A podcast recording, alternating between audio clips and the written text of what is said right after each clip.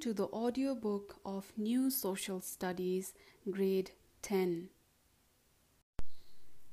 Unit 5, Lesson 2, page number 119. Executive Introduction to Executive Executive is the law implementing body of the state. It is also known as the government or the council of ministers. It makes programs, policies, and implements the laws formulated by the legislature. The executive power of Nepal is vested in the Council of Ministers.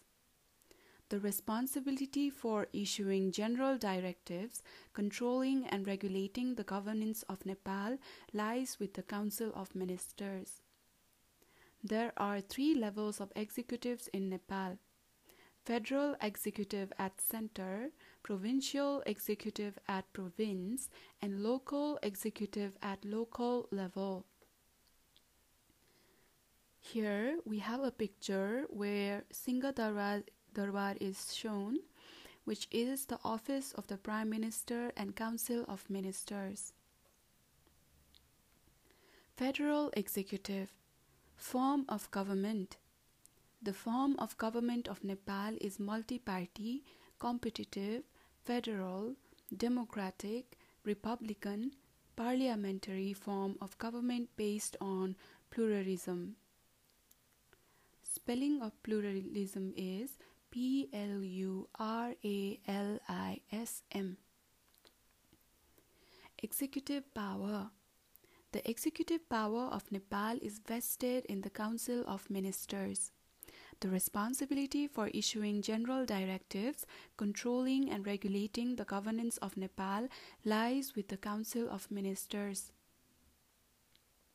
Composition of Council of Ministers the leader of a parliamentary party that commands majority in the House of Representatives is appointed as the Prime Minister by the President, and the Council of Ministers is constituted under his or her chairpersonship at center.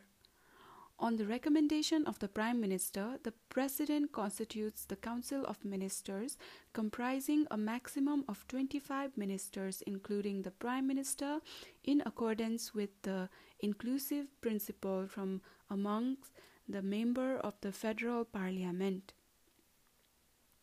Here we have a picture uh, where KP Sharma Oli, the Prime Minister of Nepal, is taking oath from the President.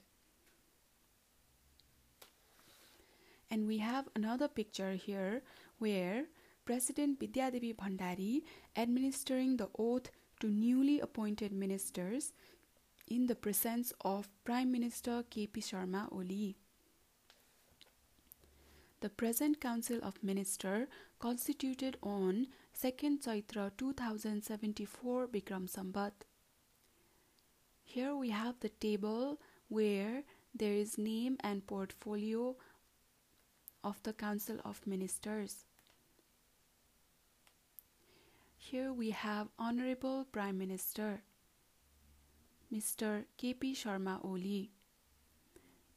The portfolio is Urban Development, Health and Population. And we have Honorable Ministers Mr. Ishwar Pokhrel, Portfolio Defense, Mr. Ram Bahadur Thapa, Portfolio Home Affairs, Mr. Pradeep Kumar Gewali, Foreign Affairs, Mr. Barsaman Pun, Energy, Water Resource and Irrigation, Mr. Giriraj Mani Pokhrel, Education, Science and Technology, Mr. Matrika Prasad Yadav, Industry, Commerce and Supplies, Mr. Raghubir Mahaseth, Physical Infrastructure and Transportation, Mr. Gokarna Bista, Labor, Employment and Social Protection, Mr. Shakti Bahadur Basnet, Forest and Environment, Mr. Lal Babu Pandit, Federal Affairs and General Administration, Mr. Thammaya Thapa, Women, Children and Senior Citizen, Dr. Yuvaraj Khatiwada, Finance, Mr. Jagat Bahadur Sunar, Vishwakarma, Youth and Sports. Mr. Ravindra Prasad Adhikari, Culture, Tourism and Civil Aviation. Mr. Sir Bahadur Tamang, Law, Justice and Parliamentary Affairs. Mr. Chakrapani Khanal, Agricultural, Land Management and Cooperatives. Miss Bina Magar, Drinking Water. Honorable State Ministers Miss Padma Kumari Aryal, Health and Population. Mr. Gokul Prasad Baskota, Communication and Information Technology. Mr. Dhanabahadur Budha, Culture, Tourism and Civil Aviation. Ms. Ramkumari Chaudhary, Agricultural, Land Management and Cooperation. Pardon, Agriculture, Land Management and Cooperatives. Functions of Executive 1. Administrative function. This is the function of the executive related to the administration. The main function of executive is to implement the laws formulated by the legislature. It maintains the stability, peace, and order in the country. Besides these, it prepares the policies and programs of the state, runs the administration and controls and directs it, maintains the good governance in the country, and brings the activities of the government to the lower level. These are the administrative functions of the executive. 2. Diplomatic function.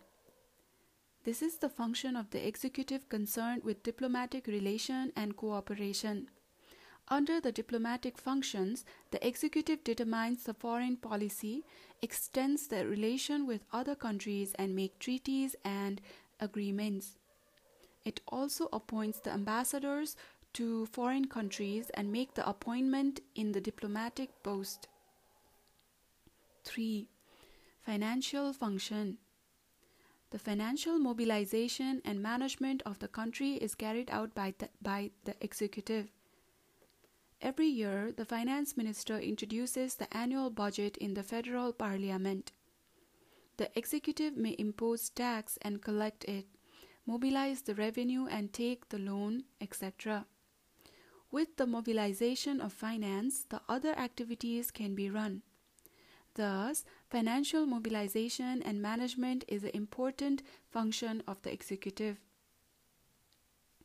4. Military function. The Constitution of Nepal has made a provision of National Security Council under the chairpersonship, of the Prime Minister for making recommendation to the government of Nepal Council of Ministers for the formulation of a policy on overall national interest, security, and defense of Nepal, and for mobilization and control of the Nepal Army. The executive has to save the country from foreign attacks. It also executes the functions of declaring war and proposing peace. The government of Nepal may also mobilize the Nepal Army in other works, including development, construction, and disaster management work. Similarly, the President can appoint and remove the Chief of the Army from the office on the recommendation of the Council of Ministers.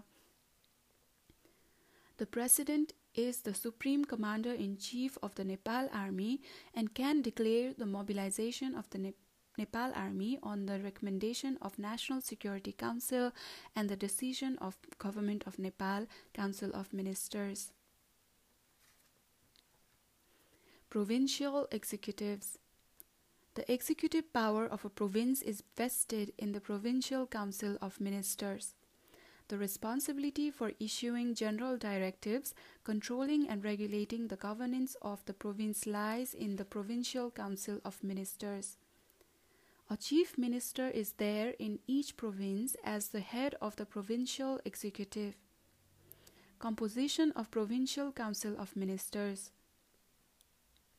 The chief of province appoint the leader of the parliamentary party commanding a majority in the provincial assembly as the chief minister and The State Council of Ministers is constituted under his or her chairpersonship. The Chief of Province, on recommendation of the Chief Minister, constitutes the Provincial Council of Minister, consisting of maximum of 20% of the total number of members of Provincial Assembly, including the Chief Minister, in accordance with the inclusive principle from amongst the members of Provincial Assembly. Provincial Chiefs of seven provinces. Province number one Govinda Subba. Province number two Ratneshwarlal Kayastha province number three Anuradha Koirala. Province number four Baburam Kunwar. Province number five Umakant Jha. Province number six Durga Keshar Khanal. Province number seven Mohanraj Malla. Chief Ministers of seven provinces. Province number 1 Sher Dhan Rai. Province number 2 Muhammad Lal Babu Raut. Province number 3 Dormani Paudel. Province number 4 Prithvi Subba Gurung. Province number 5 Shankar Pokharel. Province number 6 Mahendra Bahadur Shahi. Province number 7 Trilochan Bhatta. Local Executive Executive power of local level. The executive power of the local level is vested in the village executive or the municipal executive. The responsibility for issuing general directives, controlling and regulating the governance of the village body and the municipality lies with the village executive and the municipal executive. There is a chairperson in each village body, and the village executive is formed under her or his chairpersonship. Similarly, there is a mayor in each municipality, and the municipal executive is formed under his or her chairpersonship. President of Nepal There shall be a President of Nepal. The President shall be the head of state of Nepal. The President shall promote the national unity of Nepal. The main duty of the President shall be to abide by and protect the Constitution. Election of President The President shall be elected by an electoral college composed of the member of the Federal Parliament and of the state assemblies. The voting weight age of the members of the Federal Parliament and of the state assemblies shall vary a person who secures a majority of the then existing total votes of the electoral college shall be elected as the president. If one of the candidates secures a majority, there shall be voting between the two candidates who have secured the highest number of votes. Uh, pardon me, I will repeat. If none of the candidates secure a majority, there shall be voting between the two candidates who have secured the highest number of votes, and a candidate who secures more than 50% of the total votes is such in such a voting shall be elected as the president. If none of the candidates secure more than 50% of the total votes, even in the voting, re-voting shall be held.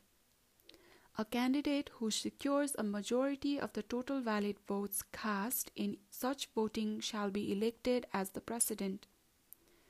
The term of office of the president shall be five years from the date on which he or she is so elected.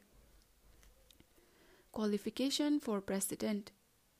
A person who has the following qualifications shall be qualified to become the president being qualified to become a member of the federal parliament, having completed the age of at least 45 years, and not being disqualified by any law. A person who has already been elected twice as a president shall not become a candidate in the election to the president. Vacation of office of president. The office of the President shall become vacant in any of the following circumstances. If he or she tenders resignation in writing to the Vice President, if a motion of impeachment against him or her is passed under Article 101, if his or her term of office expires, and if he or she dies. The President shall exercise such powers and perform such duties as conferred to him or her pursuant to this Constitution or a federal law. The functions to be performed by the President shall be performed by the Vice President during the absence of the President. The President shall take an oath of office and secrecy be- before the Chief Justice and the Vice President before the President. In the picture, we have President Vidya Devi Bhandari taking oath from Chief Justice. Now, we have activities in page number 124. 1. Demonstrate the meeting of the Council of Ministers in the class. Present the role of Education Minister, Women and Children Minister, and Home Minister in that meeting. 2. Study the Constitution of Nepal to get more knowledge about the provincial executive and local executive. Present the findings in the class. Exercise Short answer question. Number 1. Write the differences between the federal executive and provincial executive. Number 2. Mention the functions of executive in points. Number 3. How can you help the government personally? Write in points. Number 4. If you became the minister of the government of Nepal, how would you maintain your responsibility? Long answer questions. Number 1.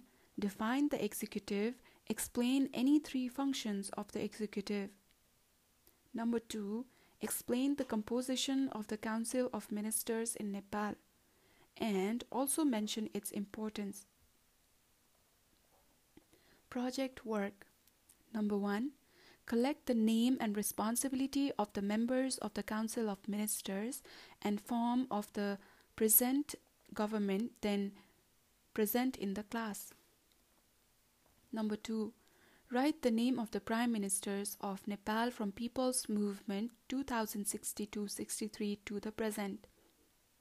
Here we have the table where there is serial number, name of the Prime Ministers, and duration, date, and year. This is the end of Unit 5, Lesson 2.